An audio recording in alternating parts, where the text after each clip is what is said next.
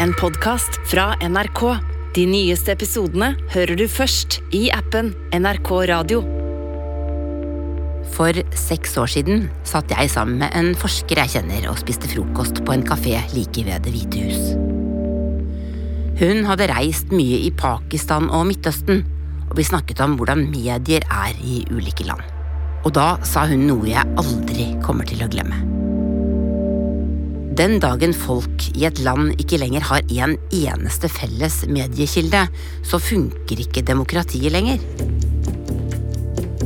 Siden den gang har det skjedd mye i amerikanske medier. We are witnessing a failure of presidential leadership at a time when this country, when we the people need it more than ever, perhaps in our lifetime. Your organization You are is attacking our news organization. Your organization Can you give us a chance to ask a question, sir? Can I'm you- not going to give you a can you can you state You are fake news. Nå stoler nesten ingen amerikanere på noen mediekanaler. Hvordan er mediene i USA med på å ødelegge demokratiet? Jeg, Tove Bjørgaas, Og jeg, Camilla Bergland, reiser videre annet for å møte en av USAs mektigste mediemenn på høyresida. the Democrats in the White House, they don't seem to care about the implications of this for the country. Du hører på Den amerikanske stormen. Where do you get your news? I don't watch it. I just uh, experience it firsthand from yeah, like social media, and I, I look at not just one particular source. Yeah, from, like, for example? Uh, Gateway Pundit's a good one. Uh, Newsmax, One American News Network. Those are some good ones. På turen vår har vi snakket med mange som sier de ikke tror på mediene lenger. They need to stop watching mainstream media and wake up. For kun 11 av amerikanerne sier de stoler på TV-nyheter, og bare 16 på nettaviser. Where do you get your news from? Uh, usually just like Apple News or TikTok. That's humiliating though. Og det som kanskje er spesielt interessant, er at når vi har spurt folk om hvor de får nyhetene sine fra, ja, da kan de ofte ikke svare på det. TikTok, sier de, internett osv. I would Twitter, Apple News, that kind of stuff. Yeah, Instagram and Snapchat. Mediene i USA er blitt mer og mer politiserte de siste 20 åra. Og det ble enda verre da Trump ble president. Mange mener han til og med ble president pga. måten media i USA opererer på. De store TV-selskapene er ofte på den ene eller den andre siden i angrep på hverandre. Det er en slags mediekrig. Og en av kanalene som er med i denne krigen, på høyresida, er nyhetskanalen Newsmax. Good morning. I am meeting Mr. Christopher Ruddy. Okay. That is me. Jeg er i lobbyen til en gigantisk skyskraper midt på Manhattan i New York. Her skal jeg møte en mektig medieleder. Hi, Camilla. Yes, nice to meet you. Brad's my vice president. How are you? Nice to meet Nice to you. meet you too. Welcome to America. Chris Ruddy er mannen bak nyhetsimperiet Newsmax, og også en av Trumps gamle venner. Han sitter rett overfor meg, tilbakelent i en skinnstol på kontoret sitt i 22. etasje. The Ruddies are from Northern Ireland originally. We've always believed that we're Viking. When I did my genealogical test, I had Norway, Sweden type bloodlines. Oh, you did? Yeah. Yeah. Bak ham ser jeg Manhattans skyskrapere. Han er en kraftig mann i 50-årene, kledd i mørk dress og en hvit skjorte. Han har milde øyne, men ser på meg med et tydelig blikk. So, what kind of news do you provide? We cover a lot of um, what I would say is current events, politics, breaking news, and um, and news also that impacts people's lives in a practical way. Financial news and information, health news like the latest medical studies or COVID information. Ruddy startet Newsmax i 1998, og bygde det sakte, men sikkert opp i takt med at splittelsen i USA økte og Trump ble president. De tjener penger på reklame. Flere seere, større inntekter. Etter valget i 2020 var det mange Trump-tilhengere som var skuffet over Fox News, den ledende kanalen på høyresida, og mente de var for liberale. Og mange av dem begynte å se på Newsmax i stedet. The channel has seen real growth over the three weeks surrounding the 2020 election. Newsmax drew an audience of 63,000 viewers a day the week leading up to November 3rd. Two weeks later, the average audience was more than six times that size. På et par uker seksdoblet de publikummet sitt. We became one of the leading conservative online uh, media outlets uh, in that period and had a pretty big impact in politics over that time. And then we estimate about 40 million regular viewers between our cable and OTT platforms, 10 million visitors to Newsmax.com, our popular website. We have 15 million followers on social media like uh, Twitter, Instagram, Facebook. Nå er Newsmax en av de største konservative nyhetskanalene, selv om Fox News fortsatt er størst. We see ourselves as um, conservative leaning, but we don't uh, we don't have uh, political agendas. We we stick um, strongly to journalistic ethics and and policies and practices, and we reach out to people across the political aisle. De stiller strenge krav til etikk i journalistikken sin, forteller han. Men det har det vært en del debatt om. For etter valget i 2020 så ble Newsmax beskyldt for å spre Donald Trumps falske anklager om valgfusk. On the Trump campaign's claims of uh, widespread voter fraud, we're going to welcome in the former governor of Illinois. If the question is, um, are the Democrats stealing votes in Philadelphia? My answer is, is the Pope Catholic? And I don't think it's just confined to Philadelphia. My instincts tell me it's going on in Atlanta, it's going on in Detroit, it's going on in Milwaukee, it's going on in Las Vegas. Dette er noe de senere har beklaget og har blitt saksøkt for. Nå sier Chris Ruddy at han er bekymret for folks manglende tillit til mediene. But but I'm I'm curious. Uh, isn't isn't it a problem for democracy when people say that they don't feel that they can trust media It's a more? tremendous problem, and and you know I think it looks like a lot of the stuff like with Trump is for political purposes before the midterms, they're driving Democratic support up. The problem is that it doesn't seem to me like in the past the FBI and the Justice Department again would have a pretense of trying to be fair and not go overreaching, and especially a high-profile person like the former president. But now they don't care. And the country looks at it and says, And "What?" when you say they- the establishment, the liberal media, liberals that run the Department of Justice, obviously the Democrats in the White House, they don't seem to care about the implications of this for the country. I USA er det mange som mener det har vært en heksejakt på Donald Trump siden forrige valg. Ruddy mener de store mediene på den andre sida, CNN eksempel, fyrer opp under denne heksejakten for å hjelpe demokratene med å få flere stemmer før mellomvalget nå i høst.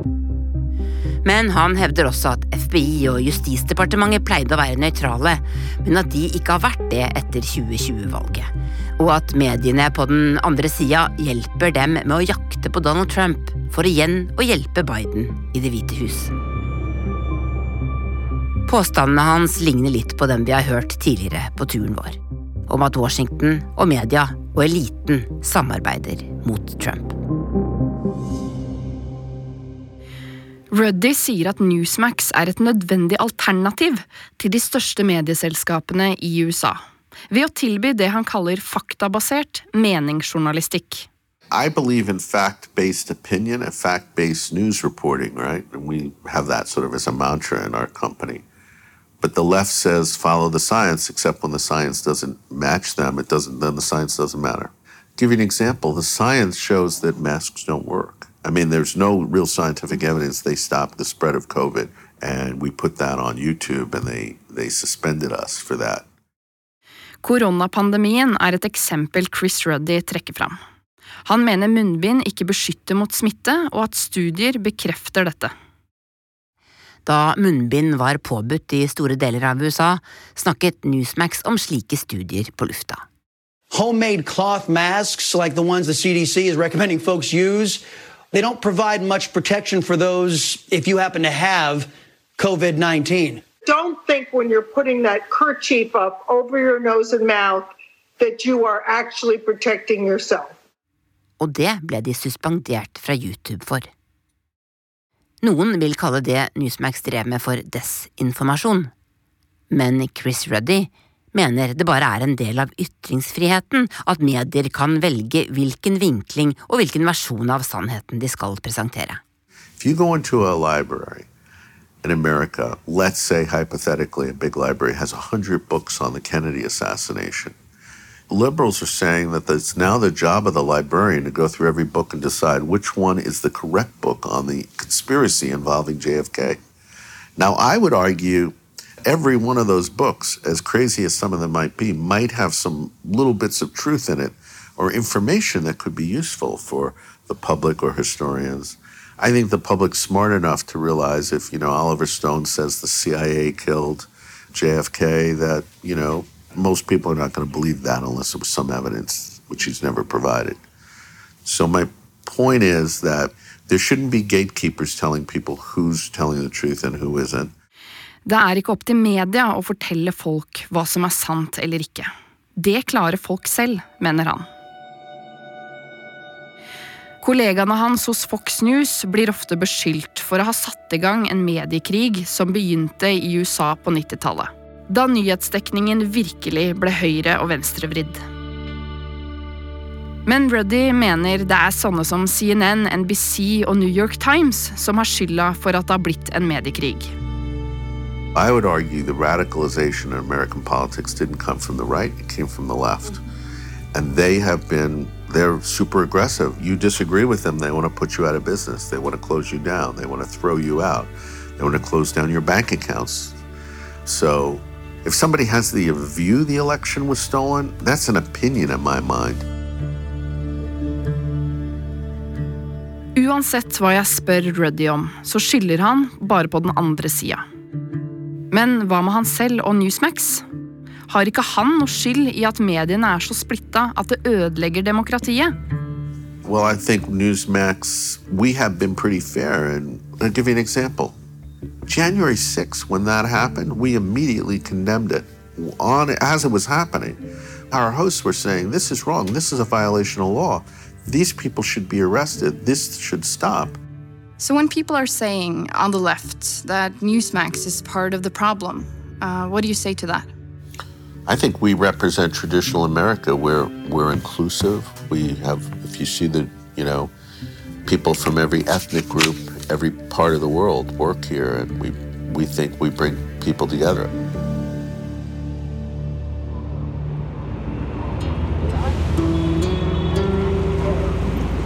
Jeg går nedover gata på Manhattan.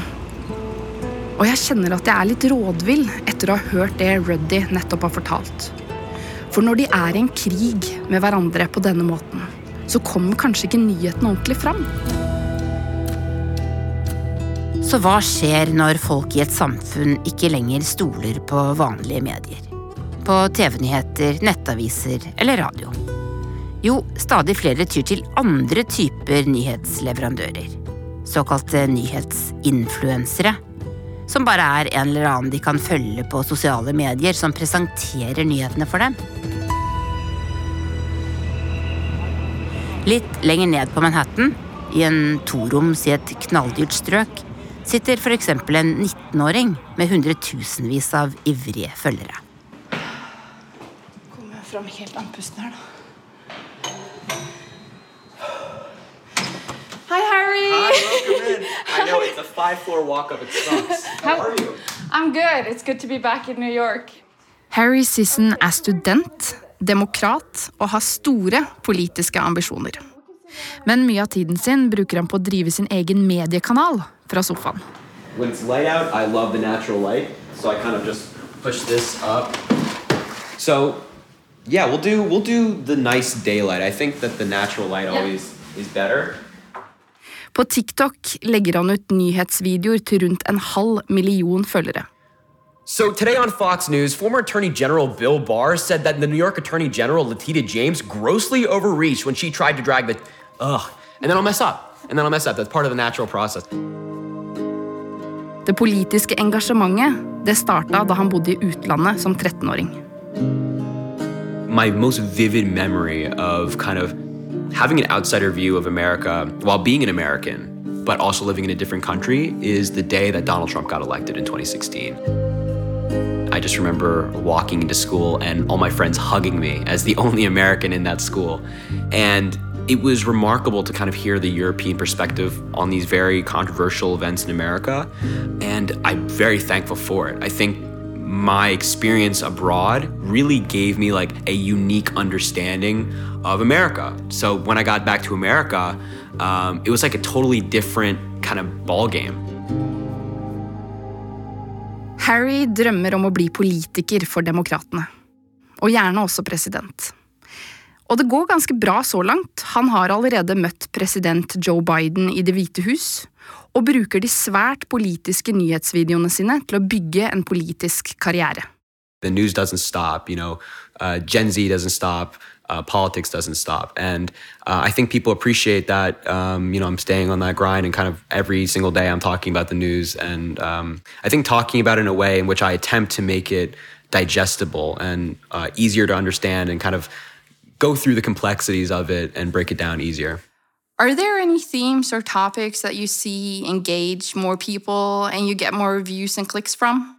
Yeah, the really controversial stories in American politics definitely um, do better. So, you know, when we're talking about President Biden or former President Trump uh, and kind of all the criminal investigations into him, um, you know, with the Supreme Court ruling on Roe v. Wade, you know, uh, people were really fired up. And when people are fired up, they, um, you know, they want to see these videos. They want to see the news surrounding it. Selv om han bare er 19 år, tenker han mye på hva han mener er problemet med demokratiet i USA og mediene akkurat nå. We're in a weird place. Um, you know, there are millions of Americans who believe the election was stolen. They believe that our democracy is not working for them. And there are people across the country trying to make laws to make it easier to overturn elections if they feel that their candidate was quote unquote cheated out. You know, these are all very concerning developments. What do you think media could do about this? I think the media has to stop playing into like the games. Um, What kind of games? you know, the clicks, you know, getting the attention. Um, and my hope is that they return to like reporting the news. And, you know, it's not necessarily a terrible thing to have a bias. Everybody has biases. But, you know, once it's that extreme kind of far right, far left, it's not very productive at all. So the media, I think, has to come more back to just like reporting what's going on instead of putting a spin on it. Harry mener mediene spiller et spill som handler om klikk. Et spill han jo på mange måter er med på. Han drømmer om at gammeldags journalistikk igjen skal være det mediene i USA holder på med. my hope as you know someone who's in gen z and who's young um, is that we get past this moment of craziness right now uh, with trump being a leader in the republican party the desantis and things like that i hope to return to the times of where like john mccain who the former republican senator from arizona uh, ran for president, lost, and conceded gracefully. And you know, he and Obama uh, became friends, and they worked with with each other and things like that. That is what I hope to return to, and that was not that long ago. You know, I was in in 2008, 2009 ish. Um, basically, my hope is, and my my thought is that once we kind of get past this crazy moment, we'll have that normalcy and we'll have that bipartisanship again.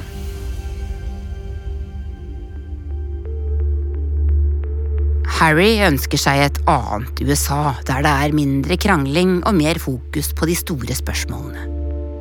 For når polariseringen nå har tatt helt over, er det verdispørsmål og enkeltsaker som får politikernes oppmerksomhet. Og det får unge kvinner i USA kjenne på kroppen nå.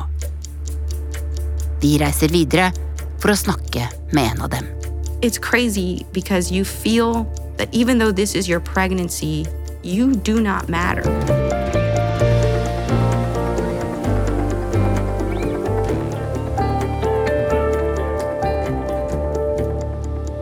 Du har hørt tredje episode av Den amerikanske stormen, en podkastserie fra NRK Urix. Denne serien er laget av Ina Swann. Camilla Bergland. Og meg, Tove Bjørgaas. Lyddesigner er Pål Gauslå Sivertsen, og redaktør er Sigurd Falkenberg Mikkelsen. Du har hørt en podkast fra NRK. De nyeste episodene og alle radiokanalene hører du i appen NRK Radio.